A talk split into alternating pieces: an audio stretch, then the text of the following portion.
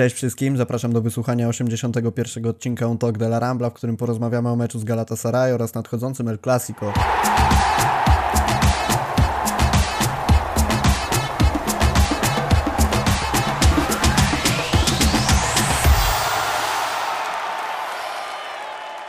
Na wstępie przepraszamy Was bardzo za naszą nieobecność. Chwilkę nie nagrywaliśmy, ale już wracamy z pełną mocą i to w sytuacji, kiedy w Barcelonie dzieje się bardzo dużo pod kątem instytucjonalnym. Wiemy, że przewijają się nazwiska Halanda czy też innych zawodników, którzy potencjalnie mieliby do Barcelony przejść, ale wobec tych wszystkich wydarzeń sportowych, jak awans w Lidze Europy czy nadchodzące El Clasico, musimy się skupić głównie na tych tematach. E, jest ze mną Julia Cicha. Cześć Julia. Hej. Julia, może wobec tego, że Ciebie również nie było dłuższą chwilę, to chcesz przypomnieć naszym słuchaczom o klasycznym e, wstępie youtubera, czyli Patronite, subskrypcji i łapki w górę.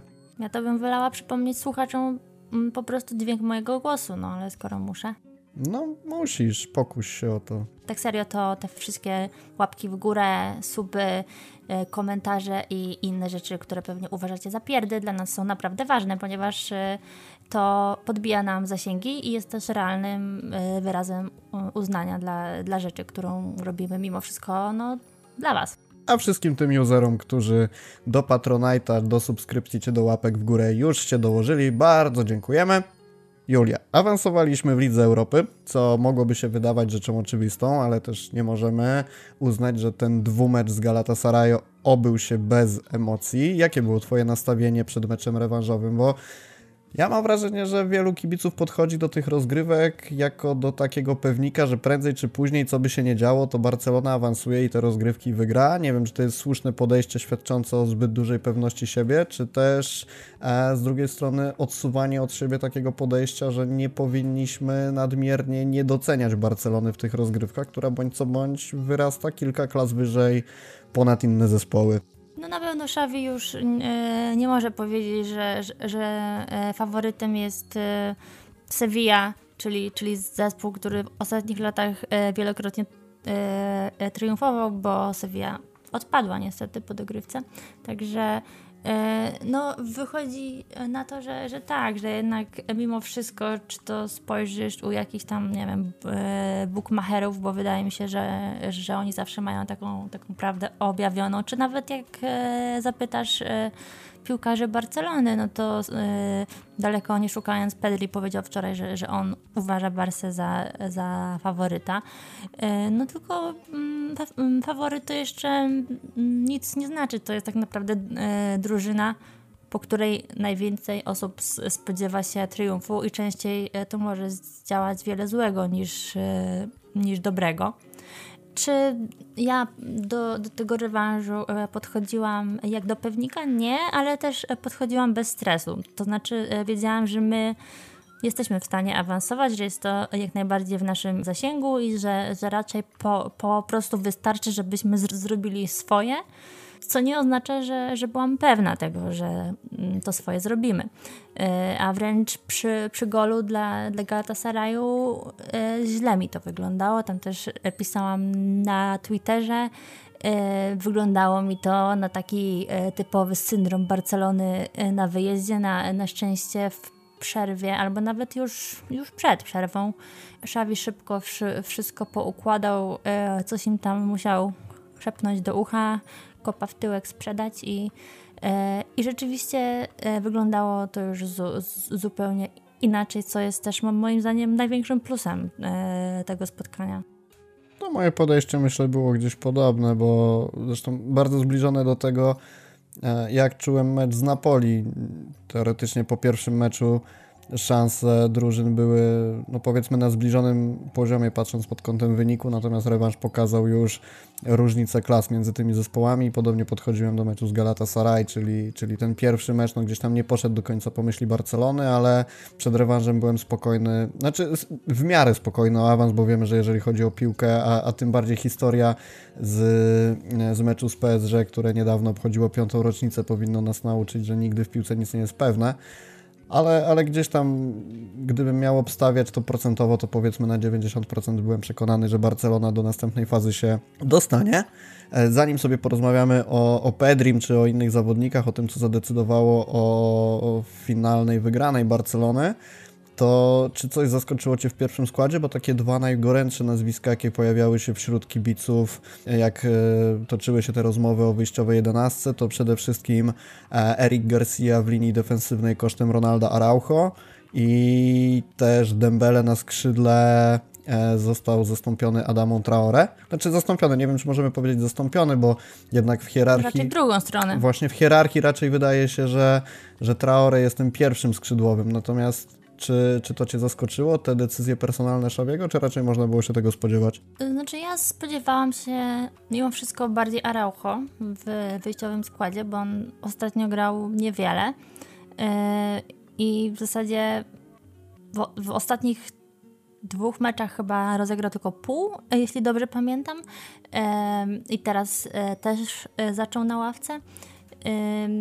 I tutaj albo Szawi miał jakiś plan, i bardziej mu e, zależało mimo wszystko na wy, wyprowadzaniu piłki, bo też na e, e, konferencji pomeczowej podkreślał, że bardzo ważne były te akcje, w których stoper prze, przesuwał się do przodu i, i rozpoczynał akcję, no bo on był wtedy tym niekrytym zawodnikiem, tylko że no, to raczej jest Piqué, a nie Eric Garcia, więc on był powiedzmy tym zabezpieczaniem tyłów, w którym Araujo moim zdaniem mógłby być równie skutecznie, więc tutaj obawiam się pewnych być może problemów y, z pozostaniem Urugwajczyka w Barcelonie, bo teraz jest tych plotek bardzo dużo i ja oczywiście po podchodzę do tego ostrożnie, ale widać, że coś jest na rzeczy i jakby na, najbardziej martwi mnie to, że to jest typ e, piłkarza, który spokojnie, przynajmniej w teorii, odnalazłby się w Anglii, o której się w jego kontekście mówi, także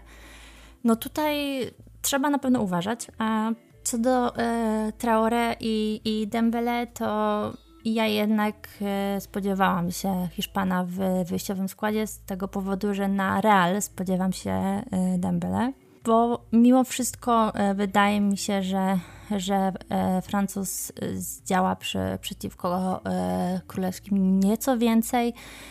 Tam też nie potrzeba aż takiej siły. Wiadomo, że Traore to głównie dribbling, ale odnoszę wrażenie, że w ostatnim czasie te dośrodkowania i właśnie mm, kończące podania są, są po stronie Dembele lepsze.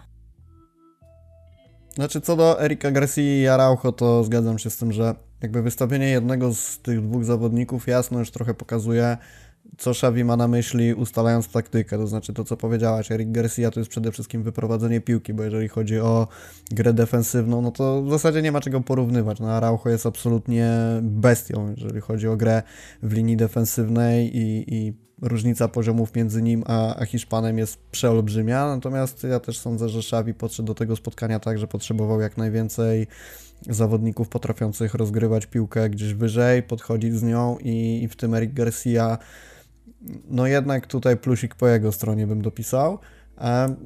Czy to się przełożyło realnie na, na korzyści w tym meczu, to też bym nie powiedział jakoś specjalnie, bo rzeczywiście Garcia miał kilka takich wyjść z obrony, natomiast miał też kilka wpadek, które mogły zakończyć się bramką. Nie wiem, czy dobrze pamiętam, ale już jakoś w pierwszych minutach Jordi Alba ratował sytuację i bodajże to było właśnie po błędzie Erika Garcia.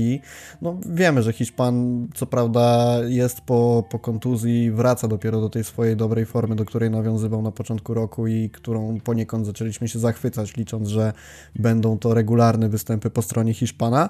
E, natomiast, no, czy była to dobra decyzja? No tak jak sobie też rozmawiałem z Magdą przy okazji któregoś podcastu, jeżeli drużyna wygrywa, no to też trudno to tak oceniać z perspektywy czasu, czy, czy to była dobra, czy zła decyzja, bo jednak gdzieś ten mecz finalnie ułożył się dobrze, więc można uznać, że, że Xavi podjął dobrą decyzję. Natomiast uważam, że wiele by drużyna nie ucierpiała, gdyby mimo wszystko w obronie zagrał Araujo. No ale to, to jest jakby podejrzewam mniej istotna kwestia. W kontekście samego klasyku, no to już myślę możemy się spodziewać e, Ronalda Araujo. Obok Pique, jeżeli oczywiście ten będzie zdolny do gry, bo wiemy, że tam jakieś niewielkie dolegliwości się pojawiły, natomiast Xavi wyjaśniał, że ponoć występują one już od miesiąca i Pique e, poświęca się dla drużyny, rozgrywając kolejne spotkania mimo tego dyskomfortu. Tak, bo zobacz też, że to y, jest y, przede wszystkim zależne od przeciwnika. Po co nam wy, wyprowadzający piłkę Eric Garcia na, na Real, który no, na 100%, 150% nie będzie grał, grał e, defensywnie. I w związku z tym zostawi nam miejsce do e, przeniesienia piłki na jego połowę i raczej trze, trzeba zabezpieczać e, tyły pewniejszym e, stoperem, a niech atakowaniem zajmą się ci nominalnie a, atakujący piłkarze. I to też jest celna uwaga. A co do samego pojedynku na tym prawym skrzydle między Adamą Traore a Dembele, to ja bym też spojrzał na ten kontekst nieco, nieco szerzej, włączając do dyskusji pojedynek między Memphisem a Obameyangiem. I dlaczego? E, pierwsza rzecz jest taka, że wyjaśniając, co jest pomiędzy Adamą Traore a Dembele. E, Ja też o tym wspominałem gdzieś tam u siebie na Twitterze, że jeżeli sobie rozłożymy spektrum umiejętności pomiędzy Francuzem a, a Hiszpanem, to powiedzmy, że Dembele potrafi zagrać mecze na poziomie, jeżeli 0 to jest beznadziejne spotkanie, a 100 to jest jakiś kosmiczny poziom, to Dembele potrafi zagrać od 20 do 80, a Traore powiedzmy, nie wiem, tam od 40 do 60. I moim zdaniem Xavi liczył na to, że ten, ten prosty zakres umiejętności, jakie prezentuje Traore, ale taki pewny i, i, i to, że Xavi spodziewał się jakiejś tam skuteczności przy tym niewielkim zakresie działań, jakie prowadzi Traore, lepiej przełoży się na finalny wynik, niż gdyby miał wpuścić Dembele, który z jednej strony mógłby zagrać kosmiczne spotkania, a z drugiej strony mógłby zagrać beznadziejnie. No i gdzieś to sprowadziło się do tego, że ani Traore nie zagrał wybitnego spotkania, ani Dembele.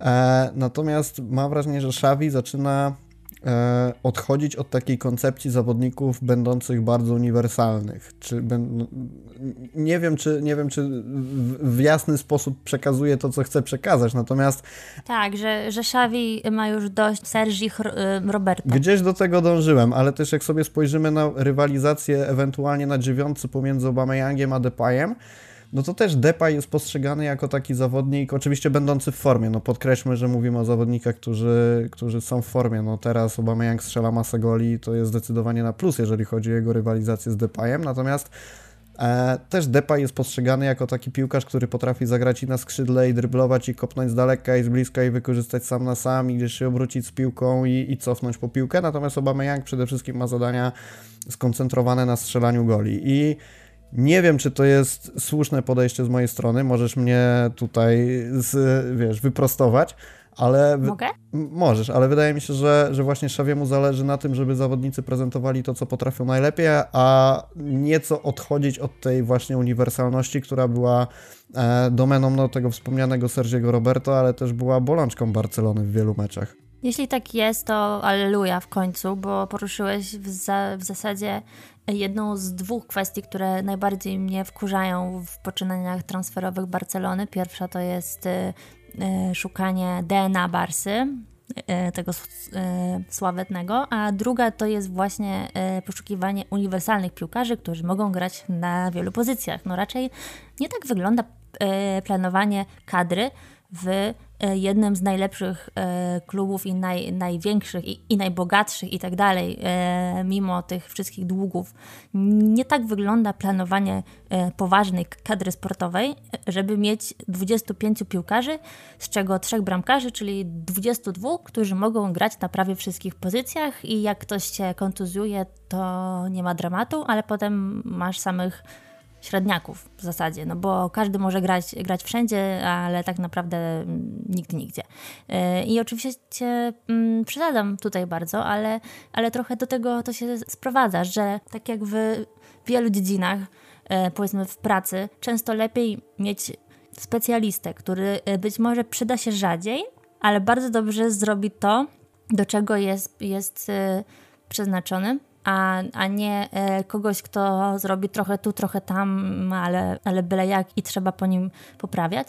Więc jeśli w tą stronę zmierzają te, te myśli Szawiego, który, który chciałby, no e, e, wiadomo, że nie zawsze, bo fajnie jest mieć e, pomocnika, który może grać na, na trzech pozycjach w linii pomocy. I to jest fajne. Fajnie jest, że taki e, nie wiem, Niko może grać na piwocie, a może grać, grać trochę wyżej, bo dzięki temu dostaje minuty, bo gdyby grał tylko na piwocie, no to Busquets, no to Busquets by go tutaj wygryzł od razu. Także e, oczywiście z umiarem to wszystko, ale zgadzam się, się z tym, że jednak w, e, to powinno iść w, w stronę e, specjalizacji.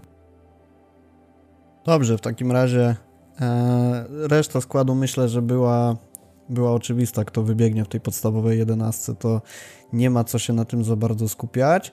E, w takim razie przejdźmy do zawodnika, który na pewno rozpala wyobraźnię kibiców, czyli Pedri. Możemy o nim powiedzieć, że na ten moment jest najlepszym piłkarzem Barcelony? Najpiękniejszym. I to mówię w, w, znaczeniu piłkarskim, żeby nie było. Jest, jest po, po prostu znajdź mi każdy pozytywny e, przymiotnik znaj i to będzie Pedri. I tylko strasznie mnie e, boli to, że w meczu z, z, z Galatasarayem myślę jednak, że najlepszym pomocnikiem był mimo wszystko Busquets, więc to jest, to jest trochę e, zabawne, że teraz mamy taki urodzaj w tej, w tej linii pomocy, w ataku też, ale szczególnie w e, pomocy, bo i, i e, Franki się, się bardzo poprawił, no i jest ten cudowny Gavi, który, który nosi Rickiego na, e, na barana. E, no, Ricky to przemilczmy, ale jest też e, Nico. Jak się wyleczy, to może będzie, może nie Sergi Roberto, także no w każdym razie powiedzmy takich czterech, pięciu naprawdę dobrych pomocników mamy i trudno mi powiedzieć, czy obecnie Pedri czy, czy Busquets e, dają drużynie najwięcej, ale ze, ze, względu na ich charakterystykę gry na pewno Pedri jest e, e, bardziej widowiskowy, robi większą furorę. No też ta cała otoczka wokół niego, że to jest taki fajny chłopak, jest, jest bardziej otwarty od Sergio, bardziej rozmowny i też no, mimo wszystko e, bardziej widoczny na boisku i przez to e, gra te w cudzysłowie pierwsze skrzypce, ale no ja tutaj raczej nie będę osamotniona e, pisząc pieśni pochwalne na jego cześć. Ja się złapałem na tym, że z jednej strony mówimy bardzo dużo o tym, że Barcelona Szawiego to jest taki kolektyw oparty o ten brak jednoznacznie wybijającej się jednej gwiazdy. No wiemy, że, że po odejściu Messiego gdzieś pewnie próbowalibyśmy kreować na tę postać e, Fatiego, no ale kontuzje jakby zmuszają nas do tego, żeby e, może nieco spokojnie podchodzić do tego tematu, ale no futbol nie lubi zdecydowanie próżni i, i tak nawet mimowolnie myśli schodzą ku szukaniu tego najlepszego piłkarza na boisku. E, rzeczywiście jest tak, że trochę ten Busquets przez lata jest pomijany i trudno nam przychodzi docenianie go, chociaż też już coraz bardziej widzimy jego rolę, tym bardziej kiedy na boisku w jednym z meczów zastąpił go Frankie de Jong i, i no nie sprawdził się w tej roli jakoś wybitnie, potem wrócił na boisku Busquets i, i ta gra Barcelony wyglądała zupełnie inaczej, ale fakt faktem, że to co robi Pedri na boisku jest czymś niesamowitym, też Aubameyang wrzucił bodajże gdzieś tam na Instastory, e, jak Pedri sobie idzie po hotelu i jest podłożona, podłożona muzyczka z Harry'ego Pottera, no myślę, że odnosząc się do bramki... Nie, bo to jest pokłosie e, tego mm, no, słabego mema wrzuconego przez e, samą Barcelonę, tam, że mm, właśnie było odniesienie do Pedriego i Harry'ego Pottera, co z kolei myślę, że jest takim przytyczkiem w Galatasaray, bo tam już teraz nie chcę skłamać, który to był z piłkarzy, ale, ale jest taki jeden, którego się nazywa mm, Harrym Potterem, także myślę, że to, to szło w tą stronę. Ale o, o mediach społecznościowych e, Barcelony to można by długo. No, można by, to prawda. No, nie, nie jest to na pewno zdecydowanie najwyższy poziom, jaki można prezentować w social mediach. A widziałeś szawinetę? Nie, wiesz co, staram się szczerze mówiąc możliwie najmniej filmów oglądać, jakie wrzuca y, profil Barcelony, bo... To akurat był ten, to to było zdjęcio mem, jak to nazwać. No, no nie, nie widziałem, ale jeżeli któryś z naszych słuchaczy ma to pod ręką, to bardzo chętnie się przyjrzę, także zapraszamy w sekcję komentarzy, jak ktoś podlinkuje, to sobie zerknę. Ja się zatrzymałem na oglądaniu jednego z odcinków Kiss, Mary Kill z którymś z piłkarzy i stwierdziłem, że to jest zbyt wiele dla mnie. Gdyby wciąż e, istniało gimnazjum, to byłby to idealny materiał szkoleniowy mm, dla nich. No to, to wróćmy sobie do meczu w takim razie, bo zaczęliśmy brnąć w zdecydowanie złą stronę. Gdyby spojrzeć na ten mecz tak z góry, co Twoim zdaniem najbardziej zadecydowało o awansie Barcelony? Podpowiem Ci, że odpowiedź e, Barcelona strzeliła więcej goli w dwumeczu nie jest najwyżej punktowana. Co zde- zdecydowało? Myślę, że to, co e, na początku trochę wspominałam, czyli ta umiejętność e, zmiany sposobu gry, zmiany nastawienia i pozbierania się z tej, z tej degrengolady, którą prezentowaliśmy przez e, pierwsze kilkadziesiąt minut rewanżowego spotkania. Myślę, że jak już e, no tak w cudzysłowie ogarnęliśmy się i zaczęliśmy grać, grać po swojemu, to już awans był, był naprawdę blisko e, i kluczowa jest e, dla mnie ta, ta umiejętność e, przestawienia się, co do tej pory było dla nas mm, dużym problemem i jak nam w meczu nie szło, to nam po prostu nie szło od początku do końca.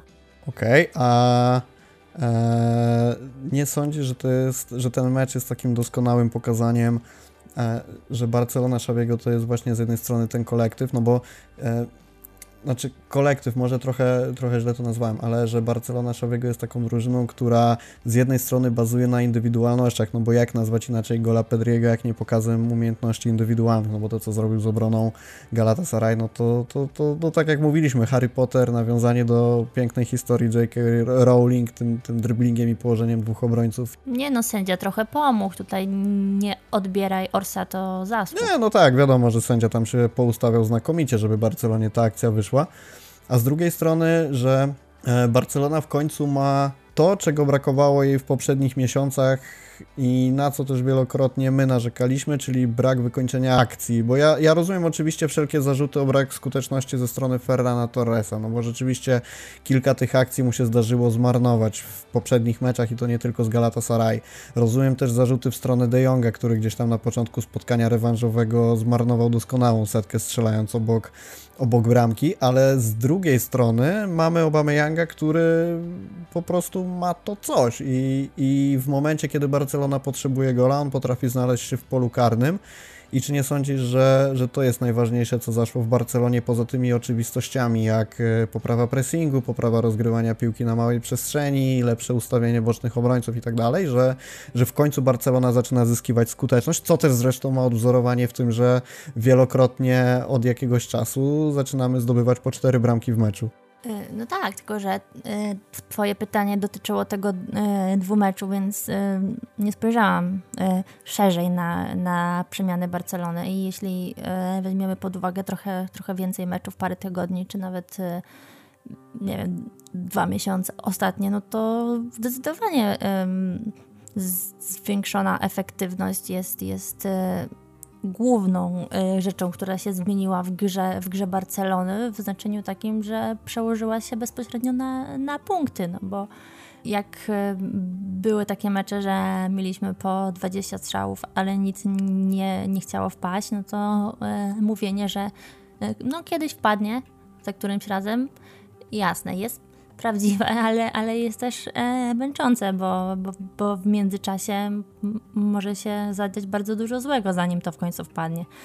Także e, bardzo fajnie, że udało się e, to odzyskać. Na pewno e, pomogły zimowe transfery, pomogła błyskawiczna mm, adaptacja Obameyanga, tak jak wspomniałeś. E, pomogło konsekwentne e, stawianie na Ferrana mimo początkowej krytyki, no tak typowej w Barcelonie, dwa, dwa, trzy słabsze mecze, albo nawet nie słabsze, bo Ferran e, dawał e, drużynie bardzo dużo, tylko że marnował e, dobre okazje i, i to już dla, dla części Kules było wystarczające, żeby go tam e, prawie wysyłać do mm, Setiena wypasać krowy. No tak, bo to jest, to jest trochę taka kwestia, że jeżeli Ferran pracuje ciężko przez całe spotkanie, to to jest niewidoczne, a w momencie, kiedy marnuje tyle tych setek, to po prostu się wybija ponad wszelkie inne zagrania i kibice to pamiętają. Zresztą no, jest to zrozumiałe, bo też któryś z tych meczów chyba z Napoli, jeżeli dobrze pamiętam, no, gdzie on tam marnował setę za setą, no to, to po prostu zachowanie karygodne i nie powinno się to zdarzyć, więc też krytykujmy to, to, gdzie powinniśmy krytykować, ale rzeczywiście praca, jaką on wykonuje na boisku jest nieoceniona i też ja bym dodał od siebie, że bo to, pojawiają się takie porównania, że długo tłumaczyliśmy Griezmana z tego, że on pracuje, może on puduje, może nie trafia, może nie ma asyst, ale on pracuje, że on się cofa, on pracuje. Natomiast ja mam wrażenie, że ta praca Ferrana jest dużo bardziej efektywna i... I to nie jest do końca taka praca, bo Ferran, on pracuje w ataku, a, a Griezmann pracował w obronie i, i to jest e, moim zdaniem główna różnica. Mm, racja i też jeżeli rozmawiamy o pracy Ferrana obronie, w obronie, to nie możemy e, uniknąć tego, że popełnił katastrofalny błąd w kryciu przy golu, golu dla Galatasaray. No ale na szczęście okazało się to e, nie tak istotne w skutkach żebyśmy go teraz jakoś tam mocno za to e, linczowali. Kolejne pytanie odnośnie do tego meczu, bo był to pojedynek nie tylko Barcelony z Galatasaray, ale tak na poziomie indywidualnym był to pojedynek Ter Stegena z Iniakim Penią, chociaż wiemy, że, że gdzieś tam tym pierwszym bramkarzem na razie pewnie jest mimo wszystko rozważany, jako ten pierwszy bramkarz jest rozważany Ter Stegen to postawa Iniakiego Penny w tym dwumeczu daje podstawy według Ciebie sądzić, że mógłby już w przyszłym sezonie zastąpić Niemca, czy jeszcze za wcześnie, żeby o tym mówić? Czy w ogóle nie ma takiego tematu według Ciebie, żeby zastępować Niemca? Bo e, ja patrząc na to spotkanie i też patrząc na sytuację przede wszystkim poprzedzającą drugiego gola dla Barcelony, kiedy Iniaki wyjął takie dwie może nie najcięższe na świecie piłki, ale na pewno trudne do obrony. I też patrząc na to, jak się prezentował w tym dwumeczu, no to mam wrażenie, że Barcelona wiele by nie straciła, gdyby mimo wszystko numerem jeden w bramce był Iniaki, a też pojawią się pewnie takie głosy mówiące, że e, no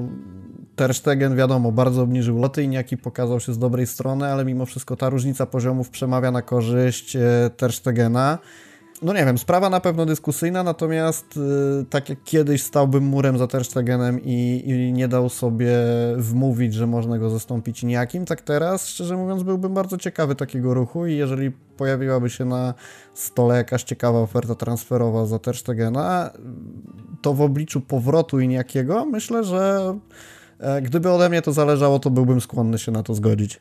Mm, to ja myślę, że to wszystko brzmi, brzmi bardzo fajnie i ja bym nawet się skłaniała ku temu, żeby się z Tobą zgodzić, ale przede wszystkim uważam, że to jest nierealne. O, y, moim zdaniem na 98% też ten w przyszłym sezonie będzie pierwszym bramkarzem Barcelony i realną opcją jest powrót Penny, y, który zostanie drugim bramkarzem, y, ale takim drugim bramkarzem, który będzie realną konkurencją, który będzie grał w Pucharze Króla, w, może nawet w Lidze Mistrzów, a może częściowo w Lidze, a może będą się wymieniali między sobą w, w zależności od postawy, chociaż wciąż ze wskazaniem raczej na Niemca ze, ze, ze względu na jego pozycję, zasługi, doświadczenie itd. Tak Myślę, że taka opcja jest możliwa. Opcja, że też Stegen zostanie sprzedany latem, no ja tego mm, nie widzę. I szczerze mówiąc, nie wiem też, czy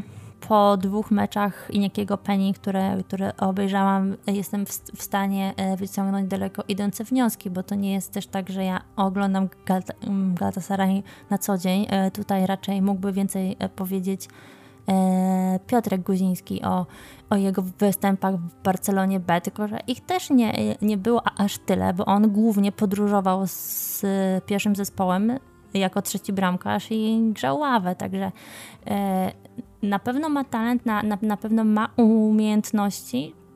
Czy one wystarczają, tego jeszcze e, nie wiem fajnie byłoby się e, przekonać. A co do Terstegena, już e, tutaj abstrahując od, od Penny, to on mi się za, z, e, zaczyna coraz mniej podobać, nie tylko ze, ze względu na jego grę, ale przede wszystkim na jego nastawienie. Na to, jak odpowiadać dziennikarzom, jakie ma podejście, że ja wiem, e, lepiej, bo ja tam jestem, a wy nie. E, ja, ja wiem, że, że gram dobrze, a kiedy gram źle, to, to wiem, co muszę zrobić, a wy tylko tutaj e, szukacie titulares nagłówków i, i e, wykonujecie swoją, swoją pracę, dolewając oliwy do ognia. No, słabo. To nie jest ten Mark, który, który był takim. Mm, kapitanem bez opaski trochę przez, przez e, parę lat, a teraz e, widać po nim pewną frustrację i ja bym tutaj e, doszukiwała się, się powodów w kolanie, o którym nawet pisaliśmy mm, nie tak dawno temu, że ponoć znów są te problemy z kolanem, albo może raczej mm, należałoby powiedzieć, wciąż są te problemy. I jeśli to jest prawda i, i miała być kolejna operacja lub e, kolejne jakieś granie z bólem i tam był nawet taki ekspert, który e, wyliczał, że Mark ma problem z rzucaniem się, się w jedną stronę e, i prawie trzy razy więcej bramek traci po strzałach, teraz żeby nie skłamać, ale chyba w jego prawą stronę. Więc to nie jest bezpodstawne i gdyby tak rzeczywiście miało być, że on gra nie będąc na 100% gotowym, no to w, w, dla mnie w, w, pierwszej kolejności ława, a w drugiej sprzedać. Ale no, czy zastąpić penią, to już jest e, trochę inna sprawa. Na pewno nie stać nas na, na kupno bramkarza, więc chyba to odpowiedź się, się mm, sama wyłania. Zobaczymy. Ciekawa sprawa w ogóle z tymi transferami, ale tak jak sobie powiedzieliśmy, nie jest to główny temat tego odcinka. W Lidze Europy zmierzymy się z Eintrachtem. Jesteśmy już po losowaniu. Jakie są Twoje oczekiwania wobec tego spotkania? Czy. Awans. Krótko i na temat? tak, no. E, wiadomo, że e, ponownie, bez pewności, e, moim zdaniem spokojnie z Eintrachtem jesteśmy w stanie odpaść, ale mimo wszystko, no, oczekuję awansu. A nie sądzisz, że poniekąd jest to takie zachowywanie sztuczne, takiej spokojnej głowy pod publiczkę? Znaczy, wiadomo, że mówienie czegoś na 100% w sporcie no jest bardzo ryzykowne i bardziej się można na tym przejechać niż skorzystać, ale nie sądzisz, że większość kibiców tak nie do końca wierzy w to, że moglibyśmy odpaść i dosyć ostrożnie podsumowuje te losowanie słowami, że zobaczymy co się stanie, raczej awansujemy, ale zostawiamy sobie margines błędu? Co ja na studiach e, zawsze byłam e, z tych osób, które były raczej nauczone i przyznawały się do tego, czyli nie było tak, że dostawałam pięć, e, mówiąc, że się nie uczam wcale, tylko raczej było, że no nauczyłam się i w sumie powinnam zdać, ale wciąż istnieje szansa, że nie zdam i, i jestem mega ze, zestresowana tym, że jednak nie zdam. Więc myślę, że to jest trochę e, takie samo podejście. No to zobaczymy, czy Barcelona zda ten egzamin. Ja jestem dobrej myśli. Uważam, że e, z takimi piłkarzami, jakich Xavi ma w kadrze, przy tak e, rozpędzona maszyna, może to dużo powiedziane, ale przy dobrze działającym całym ekosystemie, Dumy Katalonii. Myślę, że, że, tutaj każdy inny wynik niż awans będzie sporym zaskoczeniem, aczkolwiek, no, tak jak sobie mówimy, ten, ten jakiś tam margines błędu Barcelona musi sobie na, na gorszy dzień czy na lepszy dzień Eintraktu zostawić. E, dobra, zostawiamy w takim razie w spokoju już tę Ligę Europy, bo już na horyzoncie, bardzo bliskim horyzoncie, nie wiem, czy można tak powiedzieć, ale El Clasico. E, ostatnie mecze, tak patrząc sobie trochę wstecz, nie napawają optymizmem, bo to jest przegrana 2 do 3 w Superpucharze, przegrana 1 do 2, 1 do 2, 1 do 3, 0 do 2, remis 0-0 w lidze. Gdybyśmy chcieli sobie sprawdzić, kiedy Barcelona ostatnio pokonała Real, to był to 2 marca 2019 roku, dokładnie kiedy to e, po golu Rakiticza i asyście Sergiego Roberto Barca wygrała 1 do 0, także trochę czasu od tego głośnego hura ze strony Kules minęło.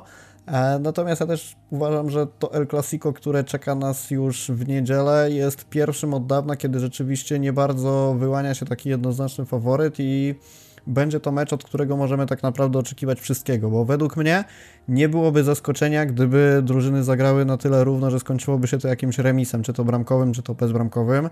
Nie byłoby wielkiego zaskoczenia, gdyby Real wygrał 3-0, no bo też niesiony na fali tej wygranej z PSG naprawdę może zdziałać cuda, tym bardziej no nie mamy jeszcze potwierdzenia oficjalnego co do Benzemy, natomiast mnie się wydaje, że mimo wszystko, jeżeli będzie mógł zagrać nawet z jakimś dyskomfortem, to zrobi to.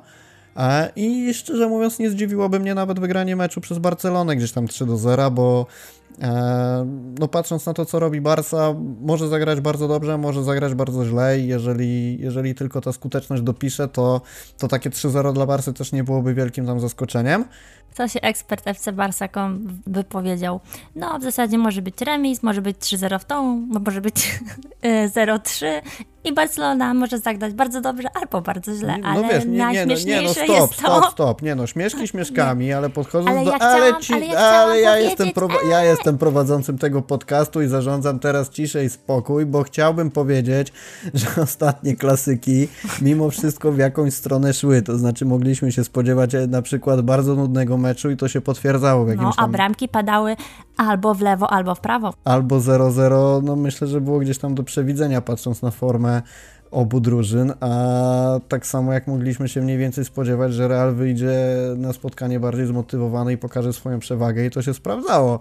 Więc proszę się tutaj ze mnie teraz nie śmiać, bo uważam, że rzeczywiście ten klasyk jest pierwszym od dawna, kiedy może to pójść w każdą stronę i mecz może przybrać bardzo niespodziewany obrót w przeciwieństwie do Ale poprzednich ja klasyków. powiedziałam, że ja się z tobą zgadzam, tylko ty się już tutaj mm, zacietrzewiłeś, e, e, broniąc swojego honoru eksperta niczym Artur Wichniarek. Pozdrawiam, nie pozdrawiam.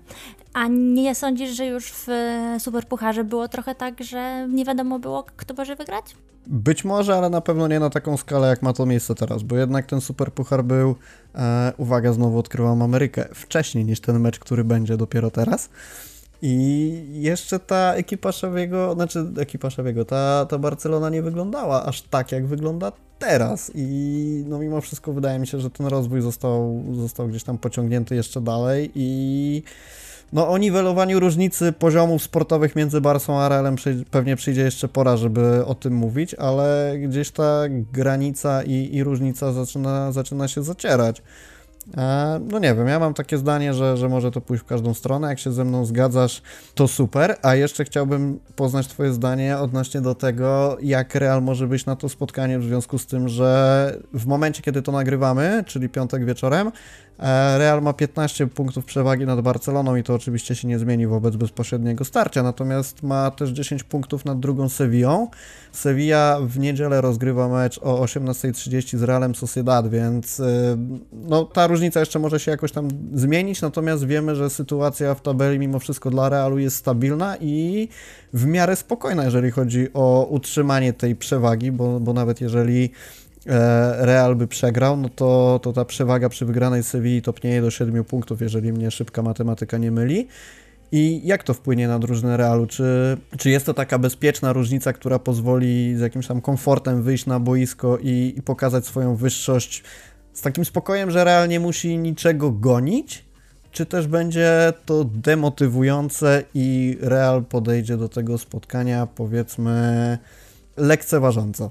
Ja wybieram opcję C, czyli mm, nie ma to żadnego znaczenia, bo jest to El Clasico i e, tam naprawdę z, z, z tyłu głowy e, z, znikają te e, wszystkie okoliczności. E, wiadomo, że nie przeskoczysz e, rzeczy typu sytuacja mm, kadrowa na przykład, ale już sytuacja w tabeli, to na przykład, że ktoś miał dzień odpoczynku więcej, ktoś, ktoś mniej, albo że nie wiem, ym, nie wiem, nie wiem, że y, się y, na, na mecz jechało autobusem albo leciało samolotem, no to, to nie ma znaczenia, bo ym, tutaj wiem, że zabrzmi to strasznie źle z moich ust, ale no Real już praktycznie prawie zdobył Mistrzostwo Hiszpanii e, za ten sezon. E, wiadomo, że nie na 100%. I nawet porażka z, z, z Barceloną tego nie zmieni, ale e, to, czego Realowi zazdroszczę, to jest ten, ten charakter ta wola walki, ta umiejętność e, odwracania e, niekorzystnej dla siebie e, sytuacji i pokazywanie swojego charakteru w niemal każdych okolicznościach. I myślę, że El Clasico tylko wzmaga ta, takie cechy, które, które pokazują, że oni będą walczyć o, o wygraną tak czy siak. I to nie o jakąś e, wygraną, tylko o jak najwyższą, bo to już e, nie będzie e, myślenie, że o, prowadzimy jednym golem, to może teraz spokojnie dowieziemy trzy punkty. Nie, prędzej to będzie właśnie szukanie kolejnego gola i ewentualnie narażenie się na, się na wyrównanie ze, ze strony Barsy. I myślę, że to może być taki jeden mały aspekt ten tabeli ligowej, który, który będzie miał, miał wpływ na mecz, czyli właśnie to, że Real nie będzie się bał zaryzykować, by y, uzyskać jeszcze lepszy wynik. To w takim razie jaki wynik byłby dla Ciebie satysfakcjonujący? Wygrana Barcelony. Ja już y, powiedziałam przed Superpucharem, że y, liczę na wygrane Barsy, a to nie jest tak, że ja tak robię przed, przed każdym meczem, bo jestem zasadniczo pesymistką i przed poprzednimi klasykami no, wieszczyłam czarno. Teraz przegraliśmy, ale w naprawdę dobrym stylu, więc żeby być konsekwentną, skoro Barcelona gra teraz lepiej, to tym bardziej powinnam spodziewać się e, e, wygranej, może nie, ale przynajmniej liczyć na nią. E, więc tak jak powiedziałeś, to może pójść w każdą stronę, ale mnie by zadowoliła wygrana Barcelony przy straconym tylko jednym golu. A czy w takim razie trochę odwrócę pytanie? Czy przegrana Barcelony po rozegraniu bardzo dobrego spotkania byłaby dla Ciebie rozczarowująca? Bo e, do czego nawiązuje? Jeden z tych ostatnich klasyków, jakie Barcelona rozegrała, e, mecz przebiegał w bardzo dobrym stylu. To znaczy, chwaliliśmy drużynę, że mimo. To, to chyba, jeżeli dobrze pamiętam, właśnie było to 2-3 w Superpucharze. Tak, tak. Mhm. I mówiliśmy tam o tym, że okej, okay, przegraliśmy, ale Barca pokazała się naprawdę ze świetnej strony. Ta piłeczka tam chodziła, brameczki, wszystko wpadało elegancko, cacy, klawo i w ogóle. I gdzieś wśród kibiców mam wrażenie, ten wynik zaginął wobec tego, że Barcelona zagrała dobre spotkanie. I czy nie uważasz, że Barcelona już na tyle rozwinęła się i na tyle Xavi wykonał dobrej pracy, że gdyby ten scenariusz się teraz powtórzył, to mimo wszystko nasze reakcje byłyby inne i nie bylibyśmy tak zadowoleni. Dokładnie tak, panie Rafale. E, różnicą jest e, etap e, pracy Szawiego. Teraz Szawi już pracuje prawie, prawie dwa miesiące, nie no, chyba nawet równo dwa miesiące dłużej niż to było w Superpucharze i teraz kalka tamtej e, sytuacji nie, nie przeszłaby tak łatwo, bo teraz mimo wszystko mm, oczekuje się wygranej i przegrana byłaby nie, nie tyle rozczarowująca, no bo e, tamta też była. Ja nie, nie zgadzam się z e, krytykami, którzy, którzy zarzucali kibicom Barsy, że cieszycie się po porażce. Nie, nie, nie tam, tam wciąż było oczywiste mm, rozczarowanie, ale teraz myślę, że doszłoby do, do tego nasze kla, mm, e, e, klasyczne obwijanie i e, wytykanie błędów, szukanie winnych. Zwalnianie trenera nie, ale, ale jednak ta reakcja na, na pewno byłaby ostrzejsza i to jest moim zdaniem uzasadnione, bo po czterech, tak dobrze liczę, czterech miesiącach pracy trenera e, już e, można czegoś się spodziewać, szczególnie, że w, w grze drużyny jest widoczny realny progres. No i gitara. To w takim razie pogadajmy sobie, trochę powróżymy z fusów. E, przypomnijmy, że dysponujemy dosyć ograniczonymi informacjami, bo też przed nami jeszcze cała sobota i cała niedziela, więc ta dostępność tych zawodników może się jeszcze oczywiście zmieniać, natomiast spróbujmy sobie wytypować taką pierwszą jedenastkę, jaką Ty byś chciała zobaczyć i jaka wydaje Ci się najbardziej rozsądna na ten moment. Mamy pewnie kilka stałych punktów, ale wobec kontuzji i wobec dyspozycji poszczególnych zawodników możemy sobie, e, może uda nam się jakąś ciekawą dyskusję na ten temat e, rozwinąć. No to, to ja Ci powiem, co ja uważam i zobaczymy, w ilu punktach się ze mną nie zgodzisz. Nie, znowu się ten zgodzę pewnie. Bramka jest dosyć oczywista. E, pierwsze dyskusje pojawiają się przy obsadzeniu prawej strony, to znaczy wobec dyspozycji Viniciusa. Mówi się o tym, że na prawej stronie powinien wystąpić Ronald Araujo, żeby blokować te kontrataki, bo wiadomo, że Dani Alves jest zawodnikiem mniej pewnym w obronie, natomiast ja mimo wszystko postawiłbym na Alvesa. Jeżeli chodzi o środek obrony, to pewnie wszystko będzie zależeć tutaj od tego, jak się będzie finalnie czuć Gerard Piqué. No, ja sobie nie wyobrażam sytuacji, że on by ten klasyk odpuścił nawet z urwaną nogą, jakby pewnie zagra mógł zagrać, to by zagrał, więc obstawiam, że duet będzie Piqué i tu właśnie na środku pola, e, na środku, na środku obrony razem z nim wystąpiłby Ronald Araujo i obrona lewa, czyli Jordi Alba. Co ty na to? Co ja mam ci powiedzieć teraz? Prawdę. Nie, tego nie. E, no, zgadzam się z tym wszystkim. No, to jest takie nudne. Boże, zapraszaj e, sobie innych gości, głupszych, bo my jesteśmy po prostu zbyt, mm, zbyt dobrze znamy się na tym, co, e, co mówimy, tak. No, powiedzmy. Dobra. Nie, no nie, nie, nie, to był żart, żart. ale tak, e, ja tylko od siebie dodam, że e, Alves na, na prawej stronie i Araujo zamiast Erika, żeby lepiej mm, asekurował e, razem z, z pick-up potencjalne e, mm, luki Alvesa. Bajunia. To przechodzimy do mniej oczywistości, czyli środek pola. A oczywiście zakładamy sobie, że nie zmieni się taktyka Szewiego, czyli to 4-3-3 na papierze, które oczywiście w realu zaczyna się trochę rozjeżdżać i nie wygląda to tak już pięknie 4-3-3, tylko dochodzą jakieś tam asymetryczności i tak dalej, no ale trzymajmy się tego 4-3-3. Busquets, Pedri to raczej pewniaki, jeżeli nic oczywiście się tam nie wysypie na ostatniej prostej. I kto do nich? Franki czy Gavi? Gavi. Dlaczego nie Franki? Bo Gavi. bo wydaje mi się, że e, Gavi jest e, e, bardziej kreatywny i myślę, że to, to może być ważne w, w, w kontekście zdominowania środka pola i Gavi też jest trochę bardziej ruchliwy od Frankiego, mimo że Franki poprawił to, to, to swoje przemieszczanie się po boisku, to wciąż Gavi ma w sobie taką iskrę mm, nieprzewidywalności, której u Holendra e, mimo wszystko nie widzę. To ja z kolei jestem tu dokładnie 50 na 50, ale wydaje mi się, że jeżeli Xavi będzie się decydował na któregokolwiek z nich w środku pola, bo jeszcze, no jeszcze możemy brać teoretycznie pod uwagę ten wariant, gdzie gra jeden i drugi, z tym, że Gavi bliżej tej lewej strony jako e, taki lewoskrzydłowy. Natomiast jeżeli, jeżeli decydujemy się na któregoś z nich, to mam wrażenie, że może zadecydować doświadczenie Frankiego i to, że jednak Franki, mam wrażenie, ma ciut większy ciąg na bramkę przy tych wejściach w pole karne i że to może być decydujące dla Szawiego przy ustalaniu jedenastki, natomiast y, no, ja bym się cieszył na obecność jednego i drugiego, tak na Frankiego, jak i na Gawiego, bo jeden i drugi daje drużynie konkrety. No wiadomo, że Gavi jest teraz powiedzmy na tej fali wznoszącej, więc trochę też inaczej go postrzegamy, ale spodziewam się, że Franki, którego Xavi powoli odzyskuje, też może, może w tym meczu wnieść coś ciekawego, więc tu mamy pierwszą jakąś tam, nazwijmy to w cudzysłowie, spinkę, bo, bo ja mimo wszystko dałbym z niewielką przewagą, ale postawiłbym na Frankiego. E, co do ataku, Traore, Ferran, Aubameyang czy coś innego?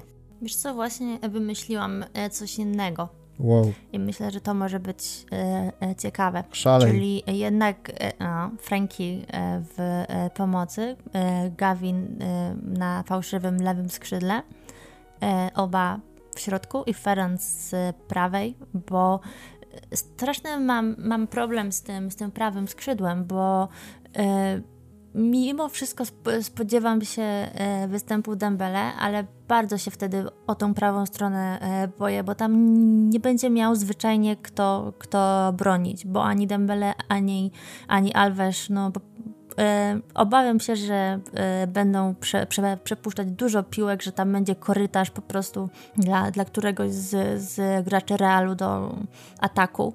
E, I w tym kontekście Traore byłby troszkę lepszy, ale jak to teraz tak na szybko przemyślałam, to to najlepszy byłby Ferran chyba właśnie. Nie, no to moim, to moim zdaniem akurat posadzenie na ławce i Dembele i Traore byłoby trochę błędne ze względu na ograniczenie sobie bardzo pola manewru na skrzydłach, bo Gavi skrzydłowym nie jest, Ferran na tym skrzydle też nie będzie się prezentować tak jak Dembele albo Adama i w ten sposób niejako zmuszamy się do gry środkiem pola albo takimi pseudoskrzydłowymi. To nie wiem, czy to będzie najlepsze rozwiązanie. Ja też zastanawiam się, czy y, finalną decyzją Szawiego byłoby ograniczenie potencjału w ataku kosztem, kosztem defensywy, no bo Pewnie nie, znając styl, styl, Barcelony, bo fakt, ja, trochę my, myślałam za, e, za bardzo z punktu widzenia, e, jakby tu tego gola nie stracić, a nie jakby tu go strzelić.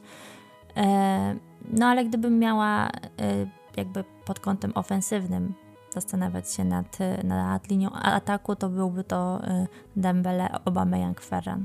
No i co przemawia za tym Dembele kosztem Traore? Bo ja nie do końca to rozumiem w tym momencie. Myślę, że ostatnia forma jest, jest ważna. To, że podawanie może się okazać ważniejsze od y, driblingów. Tak mi się wydaje. No ja mimo wszystko znowu tutaj postawię na jednak na Traore. E, być może nieco przemawia przeze mnie niechęć w stronę Dembele, bo rzeczywiście ostatnio formę ma bardzo dobrą. No i tak jak też powiedziałem, no jeżeli zagra na poziomie swoich tych maksymalnych umiejętności, które też pokazywał w ostatnich meczach, to może dać Barcelonie więcej niż Traore, jak się okazuje, co jest dla mnie sporym zaskoczeniem, bo nie sądziłem, że Dembele jeszcze w tym sezonie będzie w stanie wskoczyć na taki poziom. Z drugiej strony znowu wracamy do tego, o czym sobie rozmawialiśmy, że wydaje mi się, że Xavi będzie wolał mieć zestaw pewnych zagrań ze strony Traore niż takie ryzyko, że przez te 60-70 minut Dembele może przespać i kopać się po czole. No ale zobaczymy. Też samo to, że Traore wyszedł w podstawowej 11 w meczu z Galatasaray świadczy o tym, że być może Xavi oszczędzał Dembele na klasyk. No także, także kilka tych wątpliwości nam się pojawia, to też uważam, że dobrze, bo pokazuje, że Barcelona jakieś tam pole manewru w stosunku do tej e, jedenastki ma. Ja także jeszcze zacząłem zastanawiać, chociaż nie wydaje mi się, żeby to się stało, ale jeżeli chodzi o kontekst zabezpieczenia prawej obrony, prawej strony generalnie, to być może Busquets, Pedri i Nico w środku pola. Przy czym oczywiście Nico bliżej tej prawej, stro prawej strony, żeby neutralizować ataki Realu. Myślisz, że taki scenariusz byłby możliwy, czy raczej niekoniecznie? Mm, szczerze mówiąc, nie mam pojęcia. Znaczy, na pewno e, tak się e, może wydarzyć. E, jakby tutaj, skoro przychodzi nam to do głowy, to jest to e, możliwe, ale jakby głębiej w to, w, w to wejść ch chyba nie potrafię. No dobra, to w takim razie pytanie do naszych słuchaczy, jak wy typujecie wyjściową jedenastkę na mecz y, z Realem, piszcie oczywiście w komentarzach. Jeżeli uważacie, że nasze pomysły są dobre, oczywiście zachęcamy do e, podkreślenia tego. Jeżeli uważacie, że nie mamy kompletnie racji i gadamy bzdury, to również chętnie się z wami tam w komentarzach e, na ten temat porozmawiamy. Nie wiem, chcesz coś jeszcze dodać na koniec tego odcinka? Jakieś pozytywne słowo na weekend? Wiska El Barça. Klasyk już w niedzielę. Zapraszamy serdecznie do wszelkich dyskusji, czy to pod tym podcastem, czy to na Rambli, czy to na YouTubie, na Twitterze. Znajdziecie nas naprawdę wszędzie i wiecie, że zawsze bardzo chętnie z Wami porozmawiamy. Pamiętajcie, że jeżeli chodzi o tematy kolejnych odcinków, to możecie nam je proponować. Jeżeli coś Was szczególnie intryguje i chcielibyście, żebyśmy to poruszyli w Untok de la Rambla, to oczywiście serdecznie zachęcamy do tego, bo, bo często podrzucaliście nam jakieś ciekawe, czy to pytania, czy tematy i staraliśmy się do tego odnosić. No i co? Miłego weekendu. Czekamy na niedzielkę i mamy nadzieję, że poniedziałek rozpoczniemy w świetnych humorach po bardzo dobrym klasyku i trzech punktach zgarniętych przez Barcelonę. Dzięki Julia, że wpadłaś na podkaścik. Dzięki, papa. Dzięki, do usłyszenia, hejka.